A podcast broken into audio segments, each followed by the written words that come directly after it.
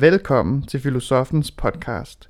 Du lytter til en sæson, der handler om den store filosof Søren Kierkegaard. Over seks salonger fejrer Anders Fogh Jensen 200 år for Søren Kierkegaard. I denne første salon drejer det sig om gentagelsen som eksistentielt tema. Vi iler igennem livet og higer med længsel efter det næste, der skal fylde vores liv med mening – men Kirkegård minder os om, at den radikale fornyelse af livet er ikke blot det næste, det er at gentage livet.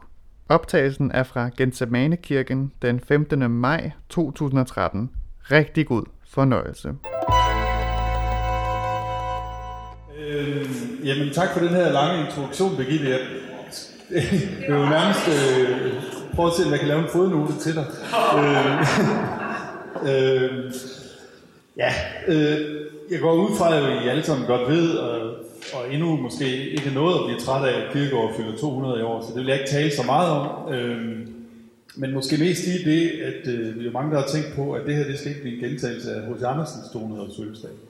Øh, men der er jo i hvert fald den store forskel på de to, at de fleste af os sådan, kender H.C. Andersen bedre, og at han måske heller ikke er helt så svært at forstå, i hvert fald på sådan et, et umiddelbart handlingsniveau. Øh, men at en af de måder, vi kunne lave et ordentligt kirkegård på, det ville være at måske også sige lidt om, hvad fanden har man egentlig skrevet om, og hvad mener han egentlig. Så det er øh, i hvert fald også min tanke blandt øh, alt det her. Øh, Birgitta har vel egentlig præsenteret setup'et lidt. Jeg vil tale sådan cirka en halv time nu, og så øh, vil vi instruere lidt videre, hvad, hvad der så skal ske. Men vi regner med at slutte kl. 10. Øh, man kan spørge indledningsvis om gentagelsen. Hvad er egentlig problemet med gentagelse? Ja, hvad, hvad, hvad, hvad, hvad er problemet med det? Øh, et problem med gentagelsen, det er, at den vel er faktisk umulig.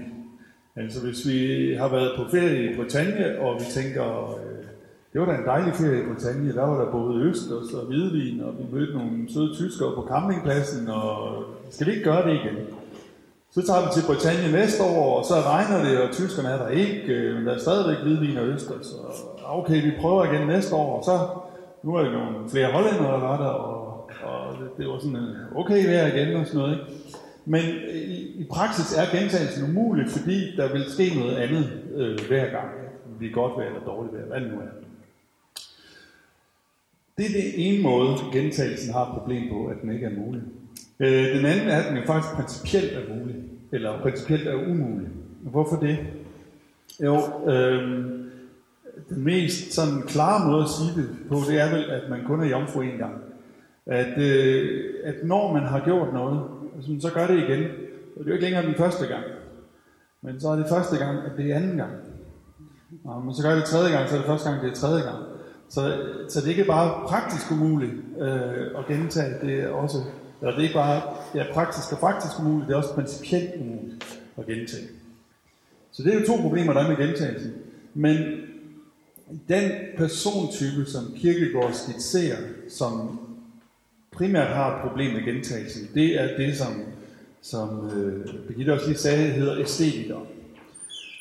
Og øh, Kierkegaard skriver mest om det her i det mest kendte værk, enten eller fra 1843, og ellers så er det så er det sådan nogle værker som øh, Stadier på livets vej, og en bog, der simpelthen hedder Gentagelsen. Se, Stedingers problem, det er ikke så meget, at det er praktisk øh, muligt eller principielt umuligt at gentage. Hans problem er, at det faktisk er muligt at gentage. Det er det, han er redselslagen for, det er, at der skulle være gentagelse i livet. Og øh, så kan man spørge, hvorfor er han så redselslagen for det? Jo, fordi det, han er bange for ved gentagelsen, det er, at det bliver kedeligt. At, at øh, det simpelthen bliver kedsomligt. Og øh, hvorfor er han nu det? Jo, han har det verdenssyn, at, at verden grundlæggende ikke har nogen mening. Det er det, man sådan lidt efter Kierkegaard kalder nihilisme, og som også efter 2. verdenskrig øh, den franske eksistentialisme bliver sådan kaldt absurd, ikke? at verden grundlæggende øh, ikke bare er meningsløs, men den kan også blive kedelig. Så hvad skal man så gøre? Øh, og det, Kierkegaard har jo sådan nogle personager, eller, hvad kan man sige, skikkelser og rollemodeller, der ligesom, øh, som han lader tale. Fordi der er en grundlæggende pædagogisk tanke, øh, vil jeg mene, at oversætte den til, nemlig at filosoferne har overvurderet argumentationens kraft. Altså, at de, det vi jo lærer hurtigt også på filosofistudiet, det er, at hvis vi bliver overbevist bevist med anden, så skal vi modsige ham. Så skal vi sige, det du mener er forkert, sådan og sådan og sådan. Som regel så sker der bare det med, at når man bliver argumenteret imod, så holder man endnu mere fast på sit standpunkt. Og det tror jeg, at godt går godt ved, så han prøver at stille noget op, øh, nogle billeder af en selv op, så man skal kunne genkende sig selv og sige, ah, ja, det der er godt nok et fjols, og så på et tidspunkt tænke, øh, men det er jo også mig. Så, så det er en af de her figurer, som jeg også vil tale lidt mere om næste gang, som øh, hedder æstetikeren. Han kan ikke holde gentagelsen ud, fordi han frygter hele tiden, at det bliver kedsomt. Hvad er så svaret på det? Svaret er variation. Man må variere hele tiden for ikke at få gentagelse, fordi man så får kedsommelighed. Det hedder i kirkegårds termer vekseldrift. At man skal veksle. Vi kender det jo lidt fra, at man skal øh, lægge marker brak, for eksempel. At man skal ikke dyrke det samme hele tiden på de samme marker, fordi så bliver de udpint, men så skal den lige have lov at hvile over, og så går man over til en anden mark, eller prøver man en lidt anden afgrøde, eller sådan noget. Men Kierkegaards æstetiker, han siger så, ja, øh, der findes egentlig to former for variation eller, eller vekseldrift. Og den ene, det er, øh, hvad kan man sige, den falske, eller det han kalder den upoetiske vekseldrift. Hvad, hvad, hvad består den i? Den består i, at man bare flytter sig.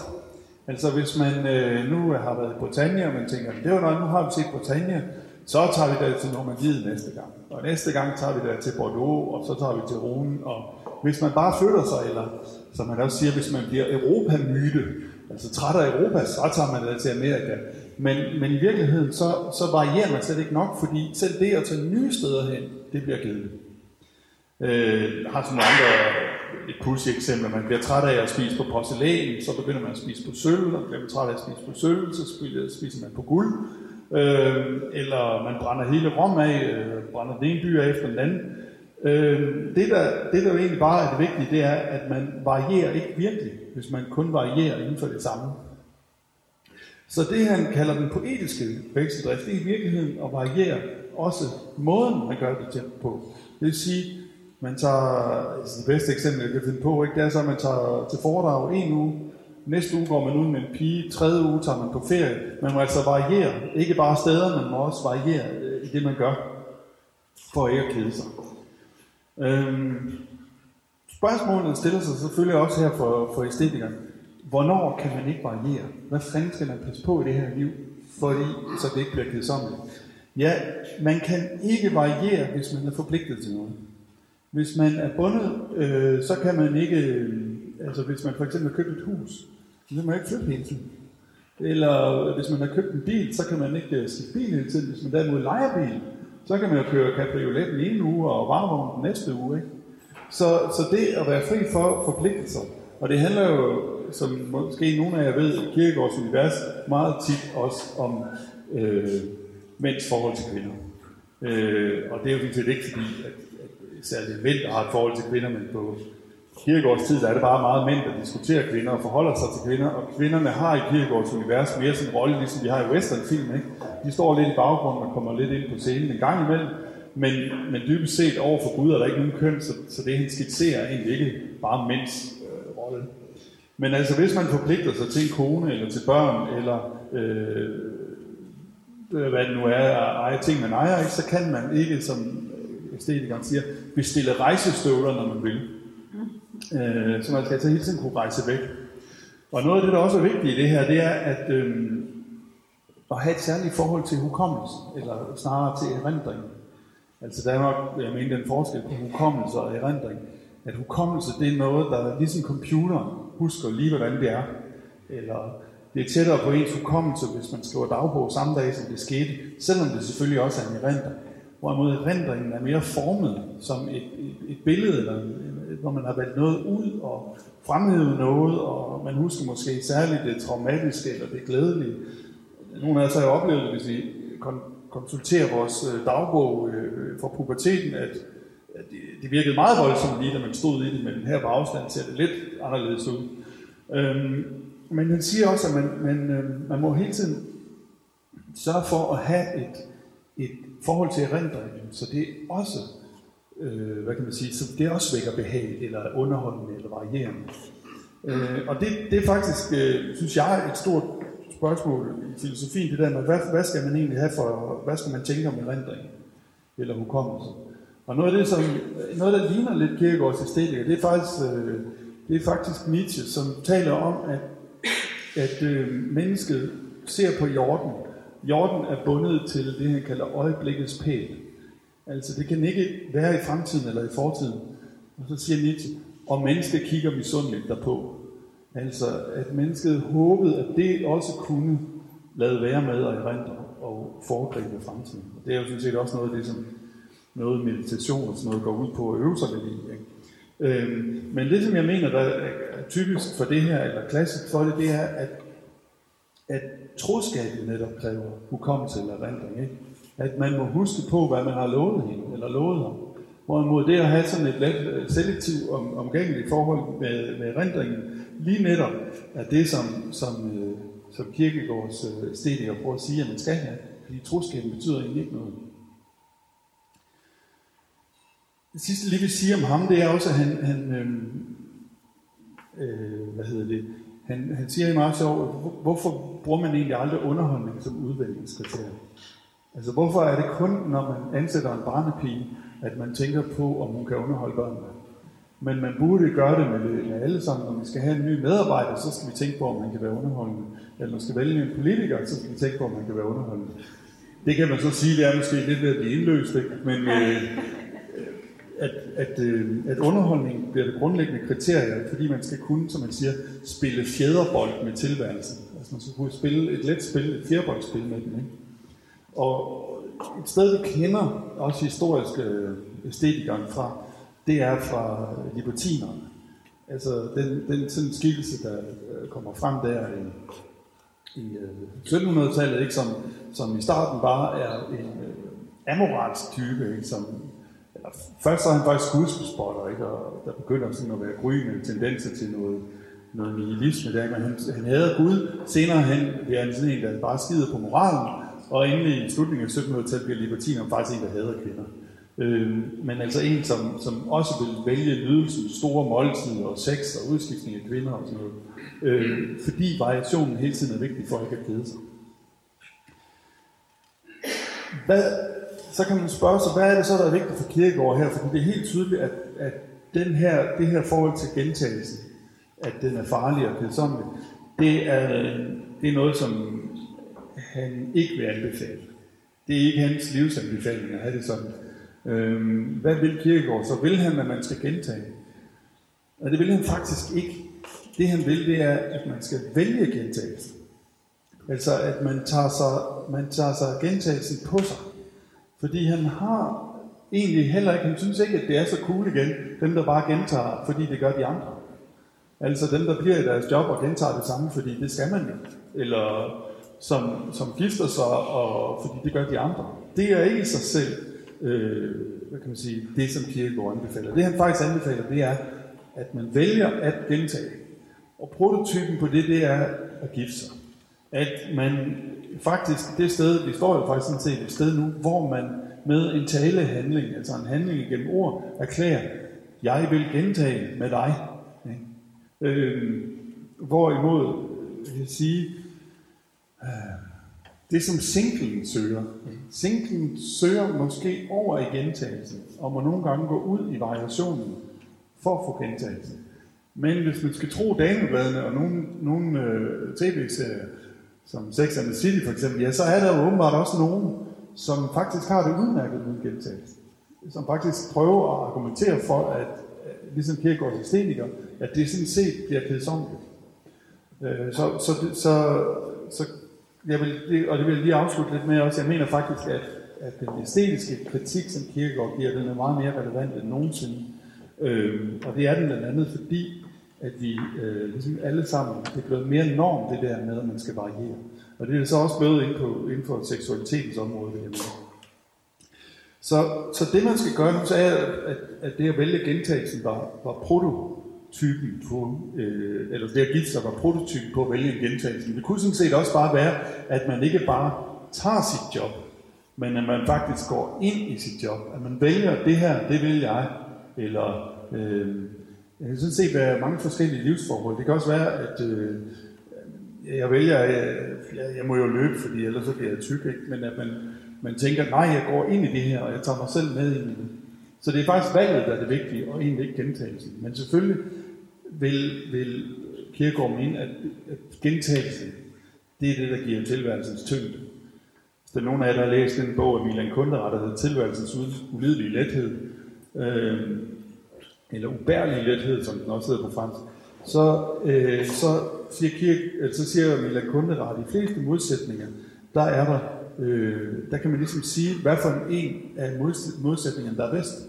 Sort-hvid, der er hvid bedre. Øh, øh, op og nede, der er oppe bedre. Ikke? Men med lethed og tyngde, der bliver han lidt i tvivl. Og der svarer Kierkegaard faktisk, at gentagelsen er bedre, fordi den, den, den giver tyngde.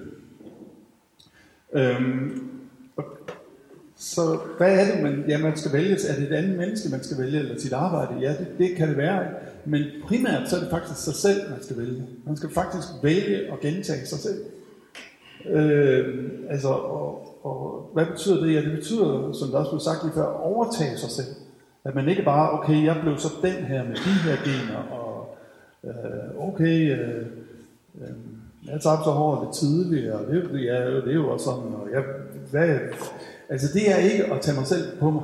Hvis jeg skyder tingene ud på omstændigheder, okay, øh, jeg blev mand i den her kultur, eller øh, jeg blev født i underklassen, eller blev født i øh, Norden, eller hvad man nu siger, ikke? Så, øh, så tager man ikke sig selv på sig. Men det at vælge sig selv, det er faktisk, at man overtager ansvaret for sig selv. Og det betyder ikke, at man ikke må forandre sig. Men det, som Kierkegaard er bange for, det er, at man siger, jeg vil gerne være den, der er derhenne. Jeg vil gerne være en, der ikke længere ryger. Øh, fordi så, er man, så, så kan man blive ved med at være hine efter sig selv. Hvor det hen siger, det er, at man, jeg må vælge mig, som jeg er nu. Jeg må vælge at gentage mig selv. Og have mig selv med, så kan jeg så begynde at lave forandringer, som at knitte smøgen, eller hvad det nu er, jeg gerne vil. Og så bliver det heller ikke så svært, hvis det går galt undervejs, fordi så har jeg stadigvæk mig selv at, at falde tilbage på. Okay, hvis jeg lige sådan her, lidt hen mod slutningen, skulle sige, hvad, hvad, hvad hedder vekseldrift i dag? Øh, ja, det hedder sappe. At, at man faktisk øh, ikke kan holde ud og se en hel film. Eller man kan ikke holde ud og se en hel udsendelse, eller jeg ved at forstå, at man ikke kan holde ud og se en hel omgang nyheder, men at man øh, bliver nødt til, synes man, at slå væk fra det, der er, fordi ellers så bliver det kedeligt. Øh, altså man, man får måske koncentrationsbesvær, eller man, altså jeg kan også se mig selv lige øh, se begyndelsen af filmen, og så lige gå og lidt op, og så følge lidt med, og, fordi jeg faktisk synes, ah, det, det er sgu ikke, øh, der er et eller andet i mig, der er understimuleret, hvis jeg bare skal følge med. Øh, så jeg tror faktisk, at den her sætning, det kommer jo egentlig bare for, for det er sådan en fjernsynsmetaforik, ikke? Øh, ikke metaforik, men det er sådan et udtryk, der starter der, ikke? at man, man sidder med fjernbetjeningen og slår om. Men jeg mener faktisk, at samling er, er blevet et mere kulturelt fænomen, som, som breder sig, øh, hvad kan man sige, som breder sig ud som en, øh, som noget, vi skal. Og, øh, eller ja, både som noget, vi, vi vil, og som noget, der bliver mere legitimt. Ikke? Altså, jeg øh, sidder måske med, med min ven på café, ikke? Lige så snart jeg går på toilettet, så tager jeg mobilen frem, ikke? Fordi jeg tænker, jeg skal lige se, om der er nogen, der er sms, eller om lige har fået en arbejdsmail, jeg lige hurtigt kan svare på, eller et eller andet. Øh, og jeg tror, at, at selvom han er væk, så betyder det, at jeg har, få, jeg har fået brug for at, at vekseldrift. Jeg har fået brug, brug for at kunne træde ind i et andet kommunikationsrum hurtigt, og så kunne træde tilbage igen. Simpelthen ikke holde ud og sidde øh, for længe, og det er tit, at det jo bare blevet, blevet en form for automatik. Så jeg tror, at sammenhængen på den måde er blevet mere legitim, men jeg tror også, at det lidt er blevet norm. Øh, noget af det, som jeg har beskæftiget mig lidt med, det er, hvordan projektkulturen er vokset frem. Altså hvordan der er kommet projekter over det hele. Og det kunne jeg øh, sikkert snakke længere om. Men en af de ting, som jeg bare vil nævne, det er, øh, at projektet er kendetegnet ved, at det ikke skal gentage sig. At øh, når man har et projekt med noget, øh, hvad det enten det er øh, at bygge en udstue, eller det er at øh, få en eller anden udvikling igennem i organisationen, eller hvad der nu kan, kan være forskellige ting, ja, så er det faktisk meningen, at når det er ført til ende, så skal det ikke gentage sig. Øh, så vi har forudset for eksempel et arbejdsliv, der indstiller sig mere og mere på at lave ting, der ikke skal gentage sig. Det bliver selvfølgelig, der kommer selvfølgelig nogle af de problemer, at så har man heller ikke erfaring med det, man går ind i. Man kan jo godt have erfaringer fra andre ting, men man kan sjældnere sige, i hvert fald i nogle dele af samfundet, det her har jeg lavet før.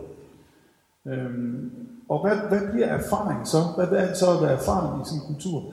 Ja, det er ikke, at man er rutineret længere, at man har gjort det samme længere, men at man har prøvet meget forskelligt.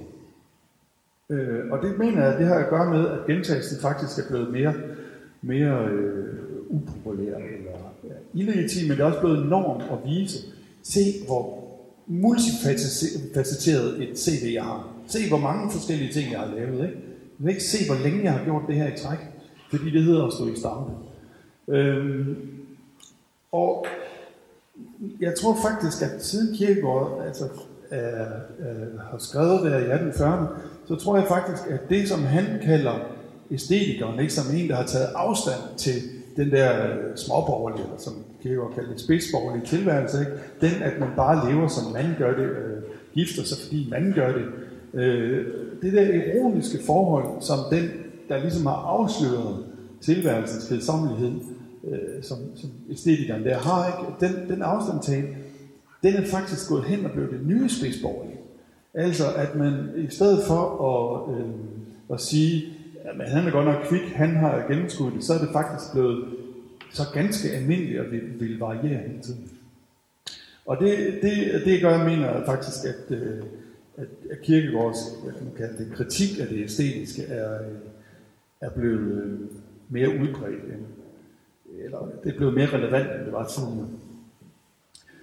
Se, jeg tror faktisk, at jeg sådan vil til at, at stoppe lige, lige for nu her, og så hvis der er nogle sådan spørgsmål og tanker, og hvad var det, du sagde, og øh, det synes jeg ikke, og sådan noget, så må man simpelthen vente til slutningen, øh, til, øh, til de samler lidt op her til sidst. Og i stedet for, så er det, som, som, øh, som Birgitte lige indledningsvis sagde, øh, vi vil gerne have jer til at tale sammen. Øh, det er så dejligt ellers nogle gange at være til foredrag og så bare sidde og, og være passiv, men vi mener jo faktisk, at det er i tråd med Kierkegaards filosofi, at man forholder sig til det, der bliver sagt, og man forholder sig som, som, øh, som jeg. Øh, og det vil sige, at vi har lavet, eller jeg har lavet nogle spørgsmål til jer, som, øh, som I vil bede. Jeg har gå sådan i grupper, øh, sådan tre eller fire, hvad der nu passer. Og det er vores drøm, at de går sammen med nogen, I ikke kender. Øh, fordi det kunne være, at man kunne komme til at tale på nogle lidt andre måder, end man plejer. Selvfølgelig også være, at man også er heldig at lære nye mennesker at kende, men det kunne vi godt tænke os. Så kan man sige, ligesom øh, min, eller en øh, tidligere tangolærer, jeg havde, nu rokerer alle mændene på nær, hvis man er meget forelsket. Øh, og øh, så på den måde vil vi altså ikke fuldstændig smide en bombe, hvis man går sammen med en, man kender. Men det er faktisk formålet med øvelsen, at man taler med nogen, man ikke kender. Der er så den dogmeregel her, at man ikke må sige mand. Øh, jeg, jeg er fuldstændig enig med Birgitte i, at folk de begynder hurtigt at sige mand, i stedet for jeg. Ja, man kan så høre, at nogen de er ved at glemme, at man også skal sige mand, og de siger du i stedet for. Ikke? Fodboldspillere, de siger jo, jamen du bliver jo Øh, du bliver jo glad, når du scorer. Det mener faktisk jeg. Øh, så vi har den dogmeregel, at det, man skal man sige du og jeg. Så det, det som setup'et er, jeg skal nok lige komme tilbage til, hvad det er for nogle spørgsmål. Det som setup'et er, det er, at vi sidder og snakker tre eller fire sammen, og prøver at bare, at der er en, der ligesom bliver spurgt til at starte med, så rokerer man. Det vil sige, at, at man prøver at spørge om nogle af de her spørgsmål, men man prøver at lade være med at give forslag. Man prøver at lade være med at sige, øh, i hvert fald lige til start, det kender jeg også, og jeg har også øh, sådan og sådan. Og, men simpelthen bare for at prøve at folde det liv, man nu sidder med ude på et kvarter. Øh, og det er ikke meningen, øh, som Birgitte sagde, at øh, man skal sidde og sige noget, man ikke har lyst til. Øh, men det er dog meningen, at man skal tale lidt om noget personligt, og ikke bare om en generel tendens i kulturen, øh, sådan som jeg nu står og gør. Øhm, så skulle vi lave grupper nu, eller skal lige gennemgå spørgsmålene?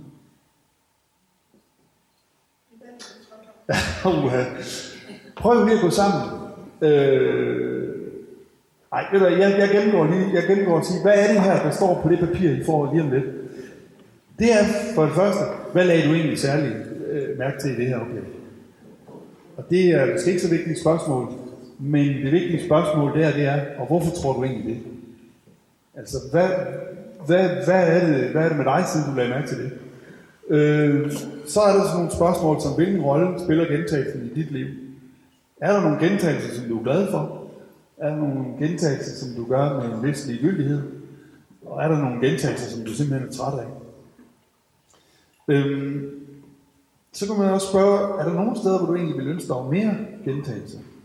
Altså noget af det, som jeg egentlig havde indtryk af, at øh, udviklingskonsulenter, det skulle for 20 år siden, når de kom ud i organisationer, det var, at de skulle hjælpe med at udvikle. Jeg har lidt på fornemmelsen, at nu ville det egentlig være bedre, hvis man kunne skabe et ro derude. Øhm, og der er nok, øh, også med de folk, jeg har talt med om på kommunesammenlægninger, nogen, der egentlig ville ønske, der var lidt mindre forandring, lidt mere gentagelse. Det kunne også være, at det var sådan i ens eget liv. Øhm, og er der nogle steder, hvor der, det er så et andet spørgsmål, er der nogle steder, hvor det egentlig dog øh, godt ville have, at der ikke var så meget gentagelse? Er der noget sted, hvor gentagelsen er blevet kedsomlig, eller triviel, eller hvad det nu er?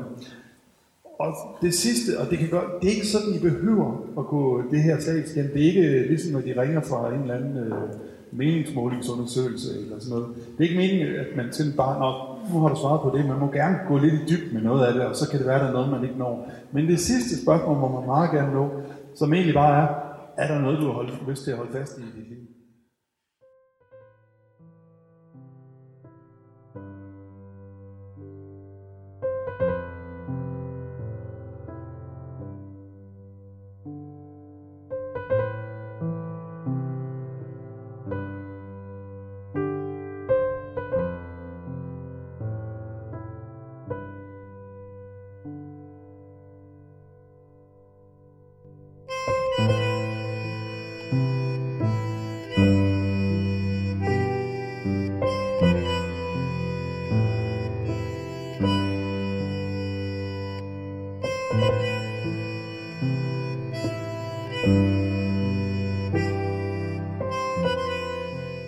Du har lyttet til Filosofens podcast.